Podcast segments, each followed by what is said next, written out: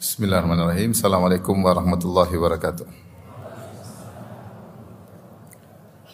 Alhamdulillahi ala ihsani wa syukru lahu ala taufiqihi wa amtinani wa asyhadu an la ilaha illallah wahdahu la syarika lahu ta'ziman li sya'nih wa asyhadu anna Muhammadan abduhu wa rasuluhu da'ila ridwani. Allahumma salli alaihi wa ala alihi wa ashabihi wa ikhwani.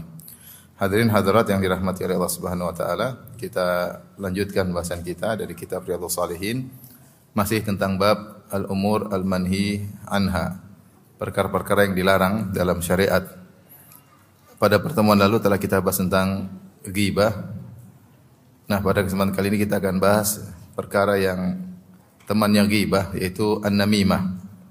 An-namimah yaitu artinya mengadu domba di antara manusia ya. Kata Al-Imam Nawawi rahimahullahu taala bab tahrimin namimah, bab tentang diharamkannya an-namimah. Wa hiya naqlul kalami bainan nas ala jihatil ifsad, yaitu menukil perkataan di antara manusia. Dia pergi ke A, dia nukil perkataan si B, dia pergi ke B, dia nukil perkataan si A dalam rangka untuk merusak hubungan antara A dan B dalam rangka untuk merusak hubungan A dan B. Maka ini disebut dengan namimah. Dan namimah ini uh, tidak dipersyaratkan harus merupakan kedustaan. Bahkan dia jujur pun apa yang dinukil adalah kebenaran, dia nukil kepada A tentang perkataan si B dan itu benar B pernah berkata demikian tentang si A. Atau dia pergi ke B, kemudian dia pergi ke B dan dia menukil perkataan si A tentang si B dan itu juga benar. Tapi gara-gara nukilan ini bisa menimbulkan pertikaian di antara mereka berdua, maka itu adalah namimah. Jadi namimah meskipun jujur pun hukumnya apa? Haram. Meskipun jujur pun hukumnya haram. Apalagi kalau namimah tersebut dibangun di atas kedustaan, maka ini keharamannya double. Ya. Sama seperti ghibah. Ghibah kalau kita bicarakan kejelekan orang lain jujur pun haram. Tapi kalau kita menceritakan kejelekan dia dan dia tidak hadir di sisi kita, maka buhtan. Jadi gibah plus gibah plus dusta. Jadi jangan disangka namanya namimah itu uh, kedustaan. Tidak disyaratkan kedustaan. Inilah yang terkadang menjadikan seorang bermudah-mudah untuk bergibah atau bernamimah karena mereka menganggap apa yang saya sampaikan ini benar. Seperti seorang gibah, kemudian kita tegur, ya jangan gibah. Ini saya jujur enggak, saya enggak, saya enggak bohong. Memang begitu kenyataannya. Nah, kalau begitu kenyataannya itulah namanya apa? Gibah. Kalau kau bohong tentang dia, itulah buhtan. Kalau kau mau ngomong depan dia langsung, jangan ngomong di belakang. Ngomong depan dia langsung, jangan ngomong di belakang atau nasihati dia langsung. Demikian juga kalau seorang melakukan namimah, dia ingin mengadu domba antara A dan B, dia datang ke A, dia nukil perkataan si B. Kemudian si A bilang, "Ya benar saya enggak bohong, memang B ngomongin kamu begitu." Kemudian dia pergi ke B, dia nukil perkataan si A. A ngomongin kamu begitu. Dan ini benarlah, itulah yang disebut dengan apa? Namimah. Jadi tidak disyaratkan namimah itu harus berita dusta, bahkan berita jujur pun termasuk namimah. Dan ini adalah termasuk dosa besar. Dan sangat besar bahkan Rasulullah SAW mengatakan la yadkhulul jannata qattat orang yang namimah tidak masuk surga. Ini ancaman yang berat dari Rasulullah sallallahu alaihi wasallam karena dia benar-benar bertentangan dengan tujuan syariat. Syariat ingin adanya persatuan. Makanya di di di disyariatkan atau disunnahkanlah banyak perkara untuk menyambung hati di antara kaum muslimin. Disyariatkannya saling mengucapkan salam di antara kaum muslimin. Supaya apa? Supaya bisa hati saling menyatu. Kalau bertemu mungkin jabat tangan, supaya hati bisa saling menyatu ya. Disunahkan untuk saling memberikan hadiah, tahadu tahabu, saling beri hadiah agar kalian saling mencintai. Banyak hal disuruh memperhatikan tetangga, disuruh menjenguk orang sakit, ya, disuruh membantu yang susah, ya. Disuruh memaafkan. Banyak syariat kalau kita kalau kita lihat syariat tersebut tujuannya adalah untuk mempersatukan kaum muslimin. Disyariatkan sholat berjamaah, disyariatkan sholat id bersama. Ini semua apa? Untuk agar kita bersatu, agar hati kita bersatu. Ya. Uh, Demikian juga di, di, di balik itu banyak perkara yang diharamkan karena bisa menimbulkan perpecahan. Di antara gibah, di antaranya namimah ya. Banyak hal ya. Dilarang suudzon. Nah, ketika syariat menyuruh kita untuk bersatu dan itu adalah salah satu usul dalam pokok-pokok Islam adalah bersatunya kaum muslimin ya. Allah berkata innamal mu'minuna ikhwatun fa aslihu baina akhawaykum wattaqullaha la'allakum turhamun. Sungguhnya kaum mukmin adalah bersaudara, maka damaikanlah di antara mereka. Bertakwalah kepada Allah semoga kalian dirahmati. Kemudian datang seorang mengadu domba. Maka dia telah melakukan perbuatan yang menghantam tujuan syariat. Ya dia menghantam tujuan syariat. Orang yang tadi sudah bareng-bareng, sudah bersama, saling tersenyum kalau bertemu, saling husnudzon maka jadi hancur lebur persahabatan mereka atau persaudaraan mereka gara-gara si namam ini, tukang namimah ini. Maka dia telah terjerumus dalam dosa besar, dosa yang sangat sangat besar. Dari sini datang uh, hukuman yang tegas bagi orang yang melakukan uh, namimah. Dan yang menakjubkan, namimah jujur saja hukumnya haram. Sementara dusta untuk menyatukan boleh. Kata Rasulullah SAW, la, ya, la yahidul kadib illa fi thalath. Bahwasanya dusta itu tidak diperbolehkan kecuali tiga perkara. Di antaranya adalah uh, lil islah baina bainan nas. Di antaranya tiga perkara yang boleh dusta. Pertama di perang, ketika perang dia boleh berdusta, mengesankan kepada musuh seakan-akan uh, kekuatan lagi full ternyata lagi lemah atau sebaliknya mengesankan kepada musuh lagi lemah ternyata lagi kuat. Ini strategi dalam peperangan ini boleh tidak ada masalah. Yang kedua, kalamul mar'ah li zaujihi li zaujiha wa kalamur rajul li zaujati zaujihi. Pembicaraan laki sama istri, istri sama suami dalam rangka untuk lebih saling mencintai. Gombal-gombalan di antara mereka tidak jadi masalah. Apalagi perempuan suka digombali ya. Enggak ada masalah ya. Ini boleh boleh dusta. Yang ketiga adalah untuk islah, untuk perbaikan. Ngebayangkan dusta jadi disyariatkan demi untuk persatuan. Dusta padahal buruk. Tetapi dalam untuk persatuan maka disyariatkan. Ini jujur tapi kalau merusak diharamkan. Jujur tapi kalau merusak malah di, diharamkan. Dan namimah ini terjadi dari skala kecil sampai skala besar. Kadang antara tetangga dengan satunya. Tukang namimahnya siapa? Pembantunya. Pembantu ketemu apa namanya ada komunitas pembantu kemudian main ke rumah satu, rumah dua ngomongin ini. Oh ibu kemarin ngomongin mbak katanya begini benar nggak mbak? Gitu. Saya cuma ngecek aja mbak. Nanti pergi satunya mbak kemarin saya main ke rumah lagi pembantunya katanya bilang ini nukil. Jadi rumah rumah tangga tetangga dengan tetangga ribut gara-gara pembantu. Ada pembantu. Kadang antara kawan dengan kawan, nah ini terjadi saya juga banyak laporan ya. Jadi suatu komunitas jadi rusak gara-gara ada satu kawan satu ini yang dia tidak ingin sahabatnya punya sahabat yang banyak. Dia ingin dia aja di sahabat dekatnya. Ketika ada sahabat yang mendekat, mulai dia ngadu domba. Oh, ini salah ngomong gini, ini ngomong sini, akhirnya ribut sehingga tetap bertahan dengan dia, misalnya. Ini juga terjadi. Terjadi. Dan betapa banyak perceraian terjadi gara-gara apa? Namimah, banyak. Ya. Datang ke suami, kemudian bilang istrimu gini-gini, datang ke istri suami ngomong gini-gini, akhirnya timbul perceraian. Ya. Oleh karenanya seorang dalam hal ini tidak semua yang dia dengar dia nukilkan. Tidak semua yang dia dengar dia nukilkan. Bahkan terjadi pertikaian di antara dai Gara-gara muridnya, yang namimah siapa? Tukang namamnya siapa? Muridnya. Dia tidak, dia pergi ke Ustadz A, dia jelek-jelekan Ustadz B. Kemudian dia pergi ke B, dia jelek-jelekan Ustadz apa? A. Sehingga Ustadz A dan Ustadz B akhirnya timbul pertikaian yang sengit. Dan itu akhirnya berlanjut bukan hanya di antara ustadz sampai kepada murid-murid dan itu juga terjadi.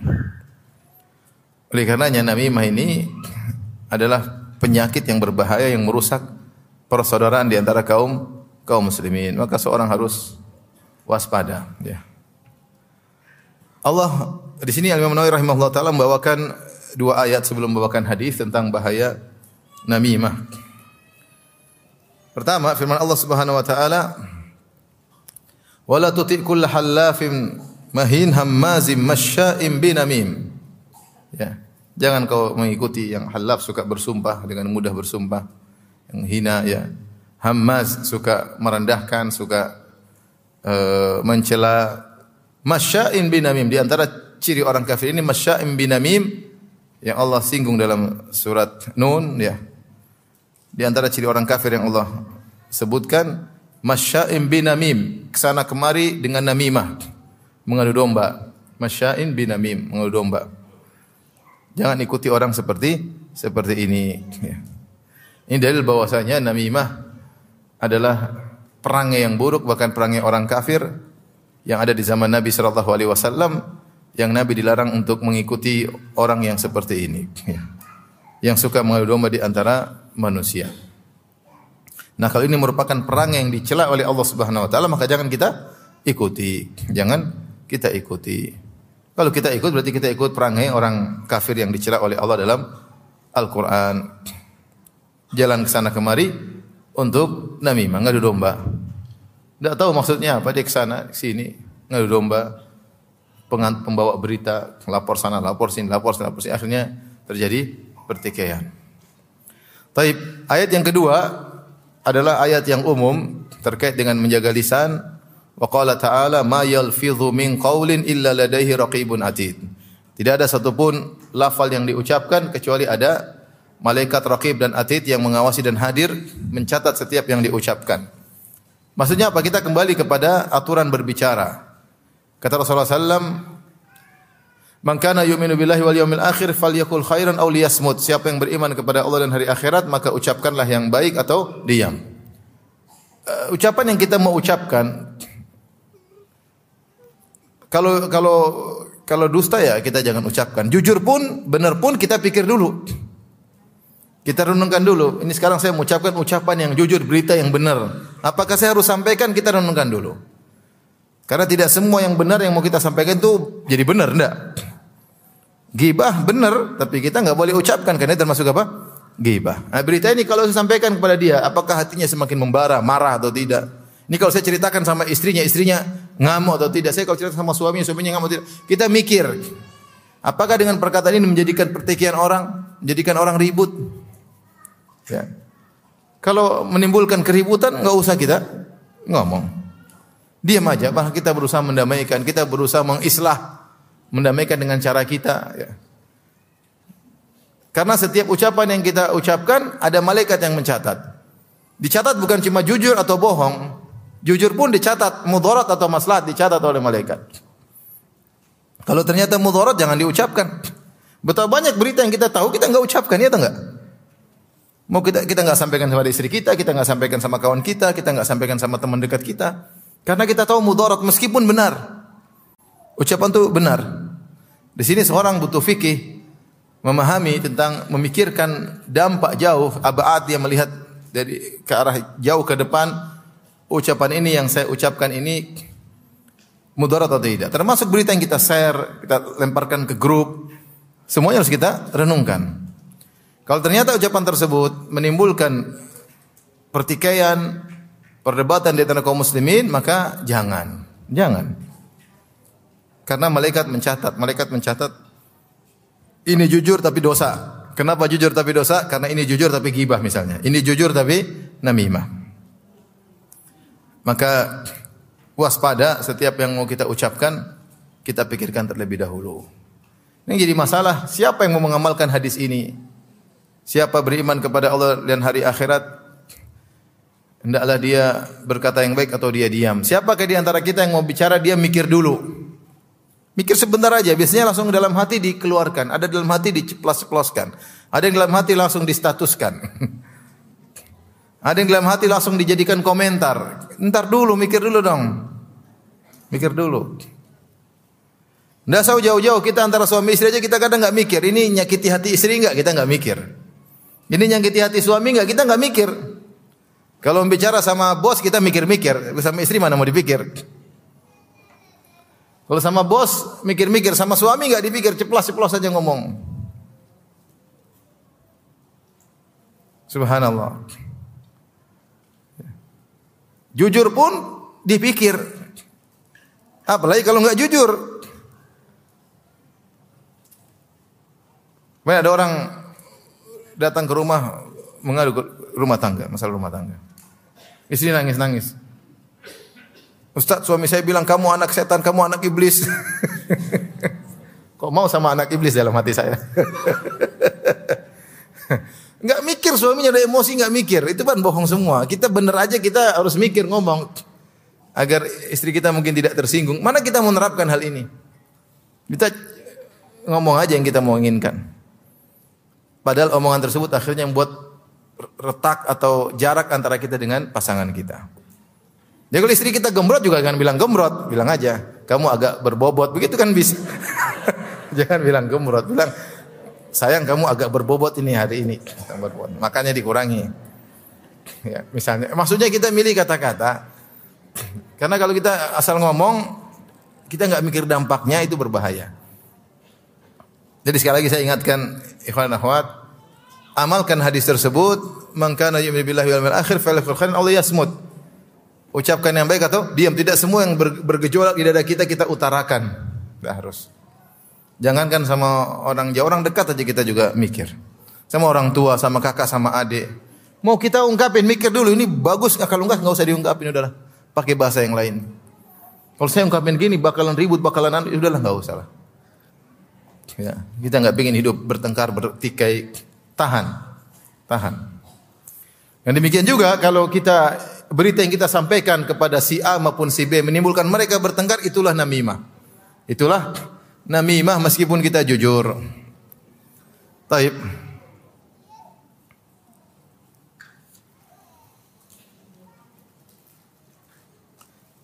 Uh,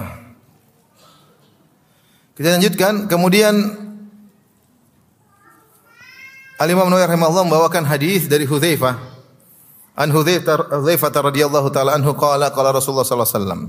Rasulullah SAW bersabda la yadkhulul jannata namam. Tidak masuk surga orang yang suka namimah.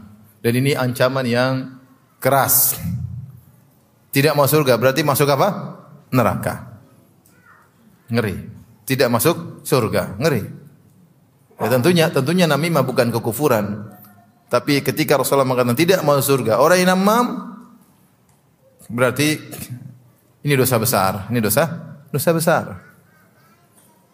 Bagaimana dia masuk surga sementara di surga itu semua orang saling bersatu, saling menyayangi di antara mereka. Sampai dalam sampai Allah mengatakan wa naza'na ma fi sudurihim min ghillin ikhwanan ala sururin mutaqabilin. Penghuni surga enggak bakalan masuk surga kecuali dibersihkan dulu diberhentikan di kontorah, dibersihkan dadanya baru masuk surga. Karena tidak boleh bermusuhan di surga. Enggak ada bombe-bombean di surga, enggak ada diem-dieman di surga. Enggak ada bermusuhan di surga. Kata Allah wa naza'na ma fi sudurihim. Kami cabut dari dada mereka min ghillin, segala penyakit kami cabut dari dada mereka. Ikhwanan ala sururin mutaqabilin. Jadilah mereka saling bersaudara, duduk di atas dipan-dipan saling berhadapan. Jadi penghuni surga kalau ketemu penghuni surga, mereka berbicara dengan semangat. Mereka merasa nikmat ber, ber, ber, berbicara dengan kawannya. Tidak ada kedongkolan sedikit pun yang mereka sembunyikan. Tidak ada kecurigaan sedikit pun yang mereka sembunyikan di antara mereka. Tidak ada suudzon pun sedikit pun di antara mereka. Tidak ada merendahkan sedikit pun di antara mereka. Nah, kalau dua sahabat yang seperti ini, bagaimana mereka tidak semangat dalam berbicara? Satu menyayangi yang menyayangi yang lainnya. Masing-masing ingin kebaikan bagi kawannya.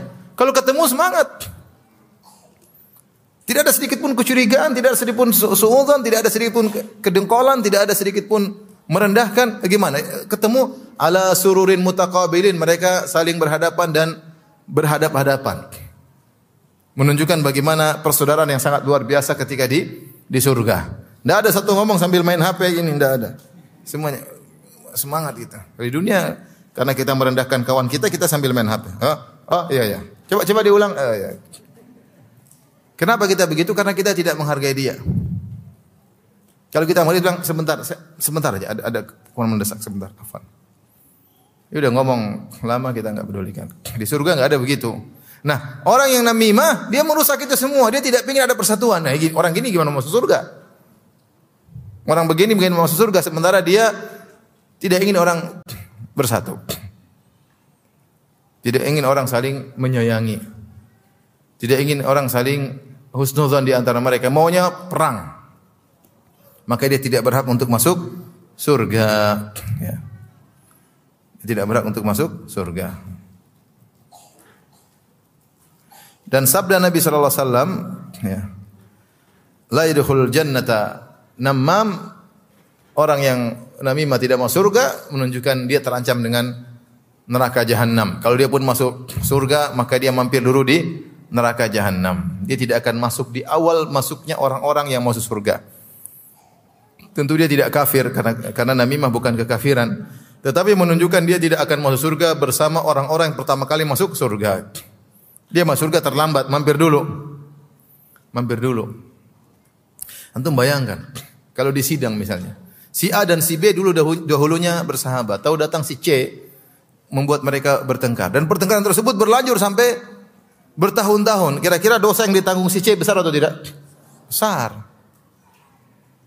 Bayangkan seorang laki dengan istri saling mengasihi, hidup berumah tangga dengan dengan baik. Ada satu orang mengadu domba. Oh suamimu kok nggak nggak kayak suami yang lain kok kamu kayak gitu-gitu? Oh iya ya benar juga ya. Datang lagi mbak, mas istrimu kok kayak gitu? Ah udah ribut, kemudian cerai akibatnya anak-anak terbengkalai akhirnya.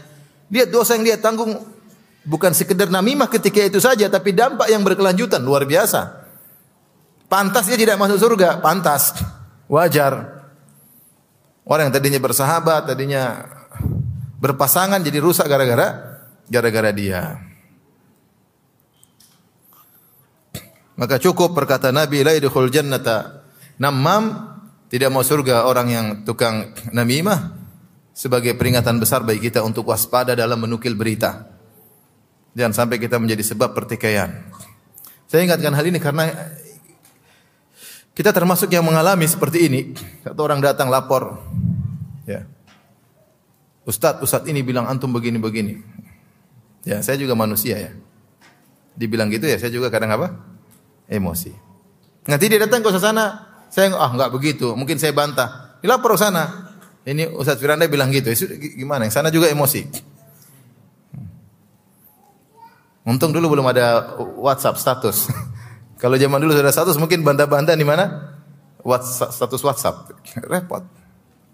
Ini murid kurang ajar seperti ini. Sudah gitu nanti ustaz saya yang menang, ustazmu yang saya, akhirnya pertikaian tersebut bukan hanya pada ustaz penjalar pada murid murid-muridnya. Entah dia sengaja atau tidak sengaja tapi perbuatan dia menimbulkan pertikaian dan perpecahan. Pertikaian perpecahan. Tidak semua yang disampaikan oleh guru kita kita sampaikan kepada guru yang lain. Kita harus cerdas dalam menukil apa? Berita. Ya. Harus cerdas dalam menukil berita. Taib. Uh, taib. Apa yang kita lakukan kalau ada orang apa namanya namimah depan kita? Dia bilang misalnya, Ustaz, Ustaz lain bilang antum begini-gini. Apa yang harus kita lakukan? Al-Ghazali rahimahullah taala Imam Ghazali menyampaikan ya uh, dalam Ihya Ulumuddin dan dinukil oleh Ibnu Hajar Al-Fathul Bari, kalau ada orang berbuat namimah sama kita, apa yang kita lakukan? Ya. Pertama jangan kita benarkan. Jangan kita benarkan orang ini. Kenapa? Karena pelaku namimah adalah orang fasik. Orang fasik. Dan kita dilarang untuk membenarkan orang fasik. Ja'akum fasikum binaba'in fatabayyanu. Jangan langsung benarkan. Orang fasik ya. Dia bawa berita seperti ini. Dia sedang sedang namimah, sedang nadu domba. Ini yang pertama, hati-hati. Jangan langsung benarkan dia. Yang kedua, sebagaimana dikatakan akan diriwayat dari Al Hasan Al Basri, ya. Siapa yang berbuat namimah di depanmu, dia akan juga menamimah kamu di hadapan orang lain. Artinya dia sekarang menjelil-jelilkan orang di hadapanmu, nanti dia juga menjelil-jelilkan kamu di hadapan orang orang lain. Maka waspada. Kalau kau ridho dengan perbuatan dia, nanti dia akan melakukan seperti itu kepada orang lain tentang dirimu. Gampangnya siapa yang berbuat gibah depanmu, dia juga akan menggibahmu kepada orang orang lain. Kemudian Al-Ghazali juga mengatakan jangan cek-cek kebenaran, enggak usah dicek. Enggak usah dicek. Anggap saja angin lalu. Ya. Kemudian berikutnya tegur dia. Kamu kok begitu? Jangan seperti ini. Itu namanya namimah atau paling tidak kamu telah menggibahnya. Tegur dia. Tegur dia. Ya. Dan kita nggak usah cari cek kebenaran. Kamu nggak boleh gini. Harus ngomong gini kali tentang orang itu sama saya. Nggak boleh. Ya, kamu nggak beradab. Allah sudah melarang jangan ikuti orang namimah. Rasulullah sudah melarang jangan namimah. Kau malah namimah di sini. Ya, kau malah namimah ngadu domba di antara penuntut ilmu, ngadu domba di antara para dai. Jangan ngomong kayak gitu. Tegur. Kita menjalankan syariat. Jangan kita ikut hawa nafsu. Ikut hawa nafsu kita pengen cek, benar ngomong gitu? Di mana ngomongnya? Mana rekamannya? Itu kalau kita ikut hawa nafsu. Kalau kita enggak. Kita ikut syariat. Kalau kita ikut syariat, insya Allah itu lebih afdal. Hasilnya lebih baik. Kesudahannya lebih apa? Baik. Tapi kalau kita ikut hawa nafsu, kita akan ngecek, kita putar, akhirnya kita panas, kita bantah, dan akhirnya terjadi apa yang terjadi. Kemudian kata Al-Ghazali, kita harus benci orang ini karena dia telah melakukan kefasikan. Ya.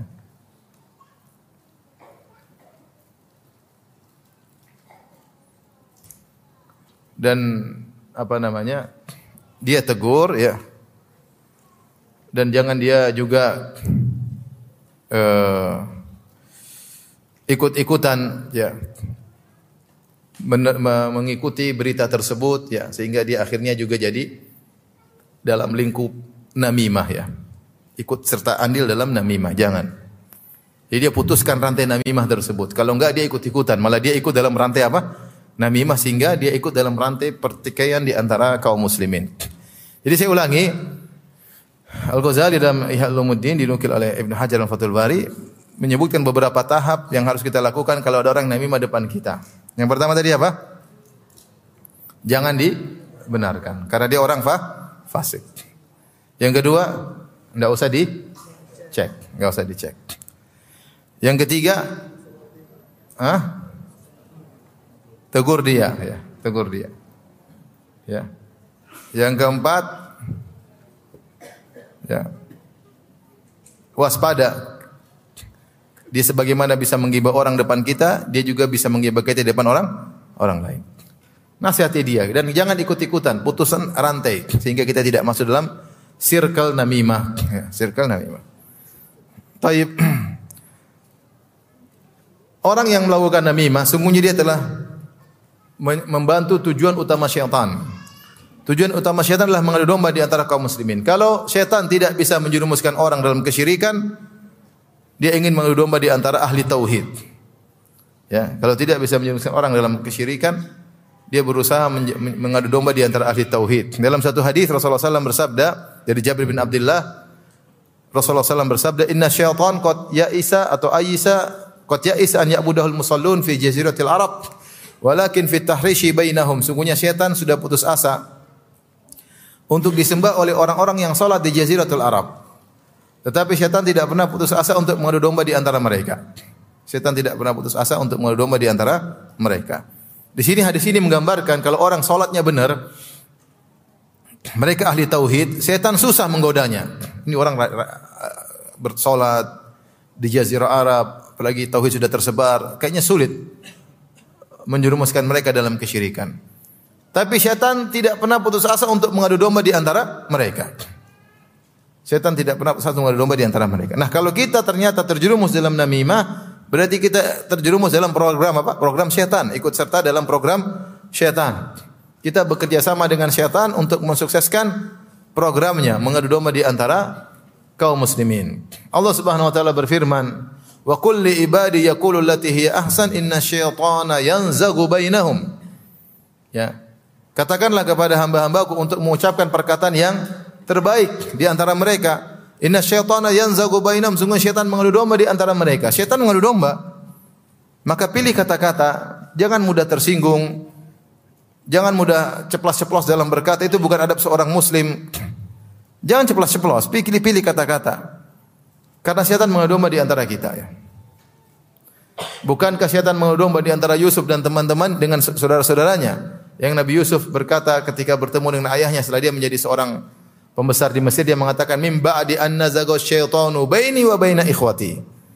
Allah telah mengumpulkan kita setelah sebelumnya syaitan mengadu domba antara aku dengan apa? Saudara-saudaraku. Jadi di antara program utama syaitan adalah mengadu domba di antara kaum kaum muslimin. Maka jangan kita ikut serta dalam program syaitan. Siapa yang namimah, dia adalah tangan kanan iblis. Tangan kanan iblis. Apalagi kalau dia sampai namimah memisahkan di antara suami dan istri. Nah itu benar-benar tujuan apa? Iblis. Dalam hadis yang sahih. Iblis mengirim pasukannya untuk menggoda manusia. Kemudian anak buahnya setan-setan melaporkan pekerjaan mereka. Saya telah begini, saya telah begini, saya telah begini kata syaitan, kata iblis kepada syaitan-syaitan tersebut. Ma fa'alta syai'an, kau belum melakukan apa-apa. Sampai ada syaitan lapor, ya iblis, La azalu biha tafarraqtu bainahu wa baina zaujatihi. Saya terus menggodanya sampai saya pisahkan antara dia dengan istrinya. Kata iblis, nikma nikma anta. Kau setan top ya. Berhasil misalkan antara suami dan apa? Istri. Oleh karenanya di antara pekerjaan tukang sihir Allah sebutkan dalam Al-Qur'an yufarriquna bihi bainal mar'i wa zawjihi. Para dukun, para tukang sihir dengan ilmu sihir tersebut memisahkan antara suami dan istrinya. Makanya bisa dipastikan orang yang tukang namimah dia adalah tangan kanan iblis, tangan kanan syaitan.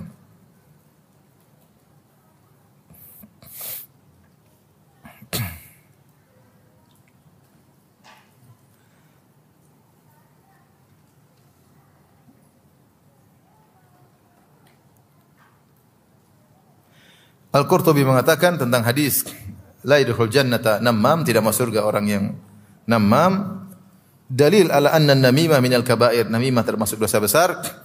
Wa inna makanat kadzalik lima yatarattabu 'alaiha minal mafasidi wasyurur. Kenapa namimah dosa besar? Ditinjau juga di antaranya karena dampaknya yang sangat besar. Keburukan dan kerusakan yang timbul akibat namimah sangat besar. Ini yang tadi saya sebutkan. Seorang namimah ngadu domba dia pikir sederhana ternyata bisa bertahun-tahun. Bisa jadi belasan tahun, bisa jadi puluhan tahun gara-gara namimah dia buat seorang suami ribut sama istrinya, akhirnya retak. Akhirnya kerusakan bukan cuma sekedar suami istri, terkait dengan anak-anak, masa depan mereka. Semua gara-gara satu orang ini. Ya, maka dosanya panjang. Ya. Tapi kita lanjutkan hadis berikutnya.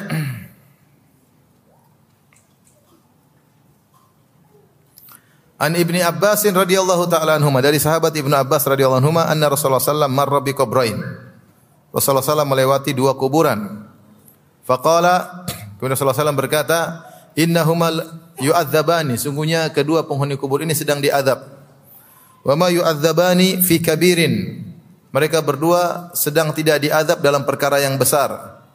Kemudian kata Rasulullah SAW, Bala innahu kabir. Bahkan sungguhnya itu perkara besar. Nanti kita jelaskan maknanya. Amma ahaduhuma fakana yamshi bin namimah. Adapun yang satu diadab dalam alam kubur, karena suka jalan ke sana kemari mengadu domba di antara manusia. Wa ammal akharu adapun yang satunya fakana la yastatiru min baulihi. Yang satu buang air kecil tidak menutup auratnya. Ini adalah beberapa riwayat. Ada la yastanzihu min baulihi yang dia buang air kecil dan tidak bersih ketika cebok dalam sebagian riwayat la yastatiru min baulihi. Kalau dia buang air kecil, dia asal buka saja tanpa menutup apa? auratnya. Hada lafzu ihda riwayatil Bukhari. Ini salah satu lafal dari riwayat-riwayat dalam Sahih Bukhari. Qala ulama kata Imam Nawawi rahimahullah taala berkata para ulama makna wa ma yu'adzabani fi kabirin mereka berdua diadab bukan pada perkara yang besar ai kabirin fi za'mihima yaitu mereka menyangka dua perkara ini perkara sepele ternyata besar dalam syariat wa qila kabirun tarkuhu alaihima ya mereka menganggap ini perkara yang uh, apa namanya ringan ya atau berat untuk ditinggalkan kata mereka berat saya tinggalkan ya. Padahal mudah. Taib kita bahas hadis ini. Uh, hadis ini Rasulullah SAW satu hari melewati dua kuburan. Kemudian Rasulullah SAW di depan para sahabat Rasulullah SAW kabarkan tentang dua kuburan ini. Innahuma la yu'adzabani. Sungguhnya dua penghuni kubur ini sedang di azab. Dari mana Rasulullah SAW tahu? Allah yang kasih tahu. Karena Rasulullah mungkin mendengar suara mereka, mendengar mereka sedang disiksa. Ini perkara goib. Ya. Kemudian Rasulullah SAW menjelaskan, "Wa ma yu'adzabani fi kabirin." Mereka tidak diazab karena perkara yang besar. Kemudian Rasulullah SAW menimpali, "Bala innahu kabir." Bahkan perkara yang besar. Ini para ulama bahas apa maksud perkataan Nabi? Mereka berdua tidak diadab karena perkara besar. Saya ulangi, mereka berdua tidak diadab karena perkara besar, bahkan ini perkara besar. Apa maksud perkataan Nabi tersebut? Ada beberapa pendapat. Ada yang mengatakan sebagaimana uh, dijelaskan oleh Imam Nawawi rahimahullah taala, ada yang mengatakan bahwasanya perkara ini dianggap sepele oleh mereka berdua. Perkara ini dianggap sepele di antara bagi mereka berdua. Perkara apa sih? Buang air kecil, tidak dicebok dengan bersih. Kemudian buang air kecil, kemudian di tengah jalan sambil buka pantatnya kelihatan apa masalahnya? yang mau lihat-lihat yang enggak sih lewat. apa masalahnya? Biasa kita tempat kita biasa juga. Mungkin dia anggap sepele, semua orang juga melakukannya. Atau dia namimah ke sana kemari ngadu domba, dia merasa itu perkara ringan. Dia tidak tahu kata Nabi, "Bala innahu kabir." Justru itu perkara besar. Jadi tidak besar menurut keyakinan mereka, tapi besar di sisi Allah. Seperti ketika Allah menyebut tentang perbuatan orang munafik yang menuduh Aisyah berzina dengan Sofan bin Mu'attal As-Sulami, kata Allah Subhanahu wa taala, "Wa tahsabunahu hayyinan wa huwa indallahi azim." Kalian menyangka perbuatan kalian adalah ringan, padahal di sisi Allah adalah besar. Ini ciri-ciri orang munafik melihat dosa dianggap sepele. Innal munafik yara kadzubabin mara anfihi fayaqulu bi yadihi hakadha. Orang munafik itu kalau lakukan dosa, dia melihat dosa itu seperti hanya seekor lalat lewat depan hidungnya kemudian dia usir. Artinya sepele. Seperti lalat yang lewat kemudian dia usir. Ada orang beriman yara dzunubahu ka'annahu qaidun tahta jabalin yakhafu an yaqa alaihi. Adapun orang beriman kalau melakukan dosa dia takut Seakan-akan dia sedang duduk di bawah sebuah gunung yang setiap saat bisa jatuh menimpanya.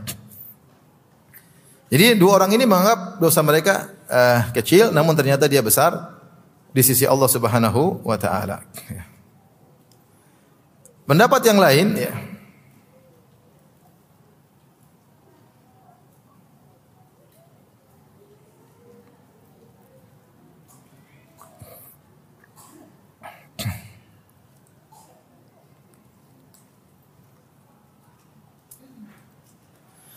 ini bukanlah perkara yang maksud kata Nabi innahuma la yu'adzabani wa ma yu'adzabani fi kabirin. Sungguhnya mereka sedang diadab bukan diadab karena perkara yang besar. Maksudnya perkataan Nabi itu bukan perkara yang besarnya mudah untuk menghindar darinya.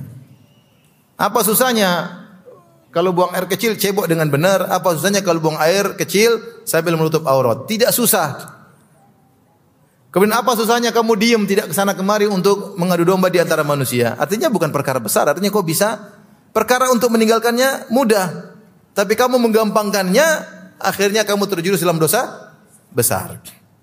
Ini dua tafsiran. Tafsiran pertama, itu adalah perkara kecil dalam keyakinan apa?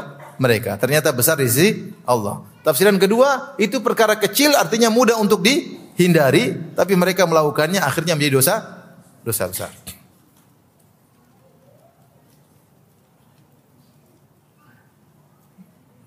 Pendapat yang ketiga mengatakan itu bukanlah perkara yang kecil, bukanlah perkara besar jika cuma sesekali Allah mengampuni.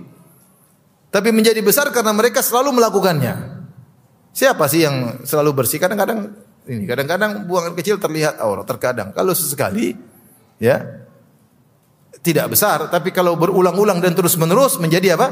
Besar. Ini kira-kira tiga pendapat tentang perkataan Nabi, "Wa ma yu'adzabani fi kabirin" Bala innahu kabir. Tidaklah mereka diadab pada perkara yang besar, justru itu adalah perkara apa? Besar. Ada yang bisa ulang? Yang pertama tadi kenapa? Dianggap kecil menurut keyakinan mereka, padahal besar di sisi Allah. Yang kedua, perkara kecil karena mudah untuk ditinggalkan, namun mereka tidak meninggalkannya. Itu adalah yang ketiga, perkara kecil jika dilakukan sekali sekali. Kalau terus-terusan menjadi dosa besar, jadi kebiasaan. Itu tiga pendapat di kalangan para para ulama. Taib. Hadis ini dalil bahwasanya ada namanya azab kubur. Dan azab kubur datang dalam beberapa ayat menunjukkan adanya azab kubur. Dalilnya sudah kita bahas dalam buku di antaranya ulama membahas di antaranya yang saya sebutkan dalam buku syarah rinci rukun iman ya. Disebutkan banyak dalil. Adapun hadis-hadis, ayat-ayat banyak, hadis-hadis juga banyak. Salah satu ayat tentang adanya dalil adab kubur seperti Allah berfirman tentang Fir'aun. Kata Allah Subhanahu wa taala, ya. An-naru yu'raduna 'alaiha ghuduwan wa ashiya wa yauma taqumu as-sa'atu adkhilu ala fir'auna asyaddal adzab. Neraka dipaparkan kepada Fir'aun dan pengikutnya di pagi hari dan petang hari. Dan pada hari kiamat kelak masukkanlah pengikut Fir'aun kepada adab yang lebih pedih. Perhatikan sini. Sekarang kata Allah, neraka dipaparkan kepada mereka. Dan pada hari kiamat kelak masukkan Fir'aun kepada adab yang lebih apa? Pedih. Berarti Allah sebutkan dua adab. Adab yang sekarang dan nanti pada hari kiamat adab yang lebih apa? Pedih. Adab yang lebih pedih di mana? Di neraka. Berarti adab yang mereka rasakan sekarang namanya alam bar barzakh. Nah alam kubur itu alam barzah meskipun tidak dikubur. Karena Firaun juga tidak dikubur. Firaun dan bala tentaranya tenggelam di laut merah. Mereka tidak dikubur. Bahkan jasad Firaun selamat. Al yauma nunajjika bi badinika litakuna liman khalfaka ayah. Pada hari ini kami selamatkan jasadmu sebagai pelajaran bagi orang-orang setelahmu. Jasadnya selamat, tidak dikubur. Apa tapi dia diadab enggak di alam barzah? Diadab. Berarti ada namanya azab alam barzah. Ini namanya alam yang tersendiri, alam goib. Seperti kita, ada nama alam mimpi. Alam mimpi kita nggak tahu di mana alamnya, tapi ada alam tersebut. Alam sadar, alam mimpi. Ada nggak? Ada. Sana kita ketemu ini, ketemu anu macam-macam, menghayal ini terjadi apa-apa. Kita nggak tahu alam tersebut. Alam barzah tidak harus dikubur. Bukan berarti saya buka kuburan kemudian oh, katanya diperluas. Alam tersendiri. Meskipun kamu tidak dikubur. Saya buka kuburan kok kecil nggak aja, nggak ada apa-apa. Ini alam tersendiri. Jadi ada namanya alam barzah. Barzah artinya perantara. Perantara antara alam dunia dan alam akhirat. Contohnya Fir'aun diadab sekarang. Sedang mereka sedang diadab sekarang. Demikian juga ketika Allah sebutkan tentang adab-adab yang menimpa orang-orang yang mendustakan para nabi. Seperti ketika Allah sebutkan tentang uh, kaum Nabi Lut misalnya. Walaqad sabbahahum bukratan adzabun mustaqir. Kata Allah, di pagi hari mereka ditimpa dengan azab yang terus-menerus. Azabun mustaqir. Yaitu ketika Allah di pagi hari Allah kirim malaikat Jibril kemudian diangkatlah para pelaku sodomi tersebut diangkat kemudian dibantingkan dihancurkan kemudian mereka disiksa dengan adabun mustaqir. Allah sebut dengan lafal adab yang terus menerus. Berarti mereka sekarang sedang diadab atau tidak? Diadab di mana? Di neraka apa di alam barzah? Neraka belum diisi sekarang. Paham? Ini dalil tentang adanya adab apa? Adab alam barzah sekarang. Ya. Mau mereka dimakan hiu, mau mereka di apa? Di keramas ya apa namanya? Hah? Benar, di keramas. Dia apa? Hah? Oh kremasi. Saya sering salah ngomong. Di kremasi. Ya. Mau kremasi debu tetap aja masuk dalam alam barzah ya. Jadi kaum Nabi Lut sekarang sedang diazab. Dan azab tersebut terus menerus sampai hari kiamat, sampai dalam neraka jahanam. Ya. Demikian juga ketika Allah menyebut tentang kaum Ad ya. Inna arsalna alaihim rihan sarsaran fi yaumin nahsin mustamir. Ya. Kami siksa mereka dengan di hari yang nahas, hari yang sial, yang mustamir, yang terus-menerus. Ada yang menafsirkan berlanjut tidak berhenti. Di antaranya di alam barzah. Seperti juga uh, apa namanya kaum Nabi Nuh dan yang lainnya. Intinya Allah sebutkan sekarang ada suatu adab namanya alam barzah. Seperti Allah juga berfirman tentang orang-orang yang dicabut oleh nyawanya oleh para malaikat. Ya. Walau tara idh yatawaffa alladhina kafaru al-malaikatu yadribuna wujuhahum adbarahum wa adzabal harik. Seandainya kau bisa melihat ketika orang-orang kafir dicabut nyawanya oleh para malaikat, kemudian malaikat hantam mereka, pukul mereka, cuma kita nggak bisa lihat. Makanya Allah bilang seandainya kau bisa lihat tapi tidak terlihat. Kata Allah, seandainya kau melihat bagaimana malaikat mencabut nyawanya orang kafir, kemudian dihantam oleh para malaikat dan berkata, "Wadzuku adzabal harik, rasakanlah azab yang membakar." Al yauma tujzauna adzabal huni. Kata malaikat, sekarang kau diadab dengan azab yang menghinakan. Sekarang berarti adab apa? Alam barzah, faham? Malaikat tidak mengatakan nanti. Malaikat kata sekarang kau sudah diadab dengan adab yang menghinakan. Intinya dalil banyak sekali ya kalau kita mau sebutin di Al-Qur'an itu belum hadis-hadis banyak sekali. Di antara hadis tentang ada alam barzah. Dan hadis-hadis tentang adab kubur adanya alam barzah hadisnya mutawatir, mutawatir maknawi. Itu banyak sekali hadis kita berlindung kepada azab kubur, disuruh berdoa untuk berlindung pada azab kubur. Rasulullah menjelaskan tentang azab kubur, Rasulullah SAW menjelaskan tentang malaikat mungkar dan nakir. Banyak sekali hadis mutawatir itu riwayatnya sangat banyak. Sehingga kita yakin di antara akidah Ahlussunnah bahwasanya azab kubur itu ada. Muncul orang-orang bahlul sekarang mulai menolak adanya alam apa? Kubur. Kata mereka, enggak ada, enggak ada buktinya, enggak ada buktinya kita bukan enggak ada apa-apa. Coba kau masuk coba. Terus tutup. Kalau kau lihat memang enggak ada. Cuma kau yang masuk dan buka-buka, insya Allah kau lihat bilang. Taib. Kita lanjutkan. Setelah itu Rasulullah SAW menjelaskan tentang kenapa mereka diadab. Kata Rasulullah SAW, amma ahaduhuma fakana la yastatiru min baulihi. Atau amma ahaduhuma fakana yamshi bin namimah. Yang satu karena namimah. Ini dosa besar. Dan perkataan Nabi fakana Kana artinya sering menunjukkan apa? Galib. Seringnya dia orang ini bukan sekali namimah, sering. Sana kemarin ngadu ini ngadu enggak enggak senang lihat orang bertengkar, senang lihat orang ini penyakit mengadu di antara kaum muslimin. Maka diadab sebelum di akhirat diadab di alam barzah. Yang satu wakana la yastatiru min baulihi. Yang satu dia ketika buang air kecil dia tidak menutup auratnya. Kelihatan kelihatan bokongnya, kelihatan depannya ya. Cuek-cuek aja tampil bersiul kemudian di pinggir jalan orang lewat-lewat. Subhanallah. Nggak lihat kan lihat kiri, duduk kayak apa kayak asal lepas aja begitu saja tanpa ada beban. Ini tidak boleh seperti ini. Bayangkan orang seperti ini, dia hanya kencing kemudian buka sebagian terlihat auratnya dia adab dengan adab seperti ini. Karena rasa malu dicabut. Dia tidak punya rasa malu berarti.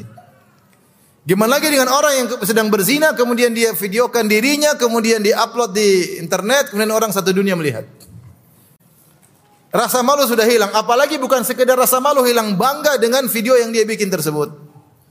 Rasa malu hilang. Ikut orang-orang bule yang kebanyakan makan babi sehingga mungkin rasa malunya hilang.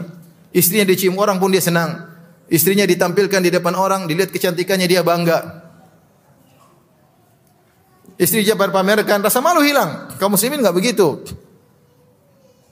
Kaum muslimin tidak makan babi, makan apa on? Onta. Onta itu pencemburu ya.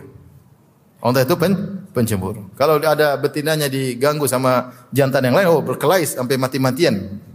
Ya, dia lagi berhubungan, tahu-tahu ada jantan yang ganggu berkelahi sampai mati.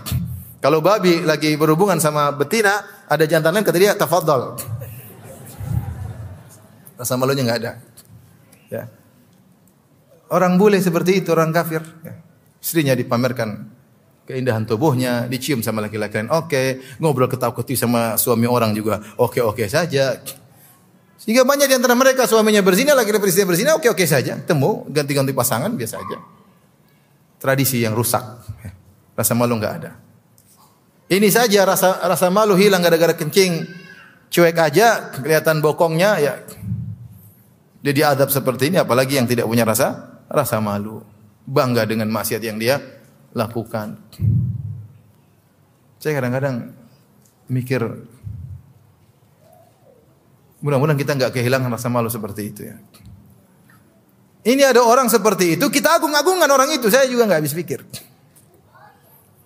Di tanah air kita ada orang seperti itu melakukan dan dia juga santai-santai aja. Kemudian kita agungkan orang seperti itu menjadi pujaan. Ini orang tidak punya rasa malu, kita memuja orang yang tidak punya rasa rasa malu. Seandainya dia menangis bertobat, oke okay lah, enggak, santai-santai aja.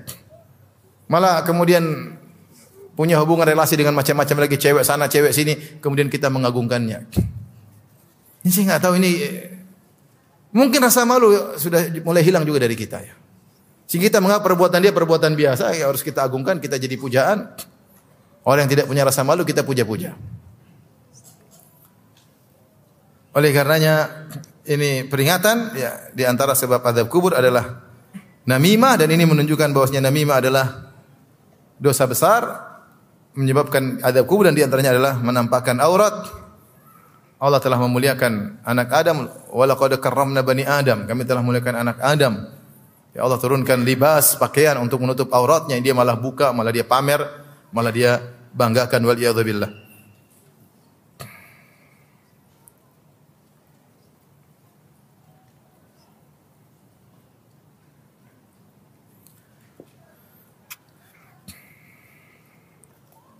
Taib kita lanjutkan satu hadis lagi. Dari Ibnu Mas'ud radhiyallahu anhu Nabi sallallahu alaihi wasallam qaal ala unabbiukum mal adhu. Kata Rasulullah sallallahu mau kau kabarkan kepada kalian tentang al adhu. Apa itu al adhu? Hiya namimah al qalatu bainan nas. Al adhu adalah namimah yaitu yang menukil pembicaraan di antara manusia untuk mengadu domba, mengadu domba mereka. Al-adhu ya itulah namimah. Dan ini dalil bahwasanya Rasulullah wasallam memperingatkan ya kepada para sahabat tentang bahayanya uh, namimah. Sampai Rasul tahukah kalian apa itu al-adhu? Ya. Namimah. Dan Syekh Utsaimin rahimahullah menyebutkan al-adhu diambil dari kata al-ad pakai dhat yang artinya mencerai-beraikan. Seperti firman Allah Subhanahu wa taala, "Alladzina ja'al Qur'ana aidhin Fa rabbika lanas'alannahum ajma'in. Yaitu orang-orang kafir yang menjadikan Al-Qur'an idhin, itu tercerai berai. Maksudnya Al-Quran tercerai berai, mereka beriman kepada sebagian, mereka kafir kepada sebagian. Mereka tidak menganggap Al-Quran sebagai satu kesatuan. Dicerai beraikan Al-Quran tersebut. Demikian juga namimah mencerai beraikan orang yang uh, bersatu.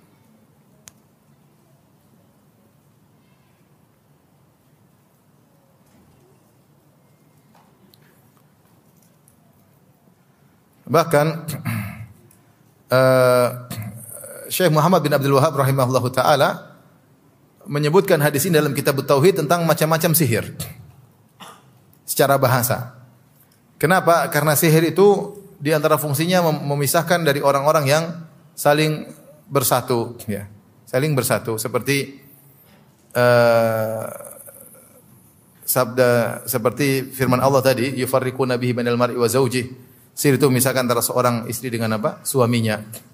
Dan namimah pun demikian. Bahkan perkataan sebagian salaf, uh, kalau nggak salah uh, Yahya bin Abi Kathir al-Yamami dia berkata, yufsidun namam ya fi sa'atin ma la yufsiduhu ma la yufsidu sihr fi sana atau fi syahr.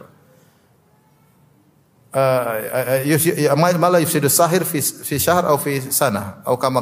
Kata Yahya bin Abi Kathir, orang tukang namimah itu bisa merusak dalam waktu sebentar merusak di antara dua orang yang saling berdekatan, ya, yang saling mencintai, bahkan mungkin suami istri, yang tidak bisa dilakukan oleh penyihir dalam waktu yang lama. Mungkin penyihir untuk memisahkan butuh waktu sebulan atau setahun. Namimah cuma sebentar ribut antara dua kelompok yang tadinya saling mencintai dulu satu grup bareng-bareng, satu yayasan bareng-bareng, satu DKM bareng-bareng ribut bertengkar gara-gara ada yang tukang ngadu ngadu domba. Maka dia seperti sihir yang bisa memecah belah di antara kaum muslimin dengan sebab yang tidak yang sangat halus. Terlebih lagi ketika sang namam pengelola domba tersebut datang dengan pakai memakai pakaian seakan-akan dia penasehat. Saya ini nasihat kamu, saya sayang sama kamu, tapi dia tukar ternyata apa? Tukang mecah belah. Ya. Menggunakan pakaian nasihat ternyata untuk memecah belah di antara kaum muslimin. Tapi mungkin sampai di sini saja. Ya. Selanjutnya bab, bab baru kita tunda habis hajian insyaallah taala.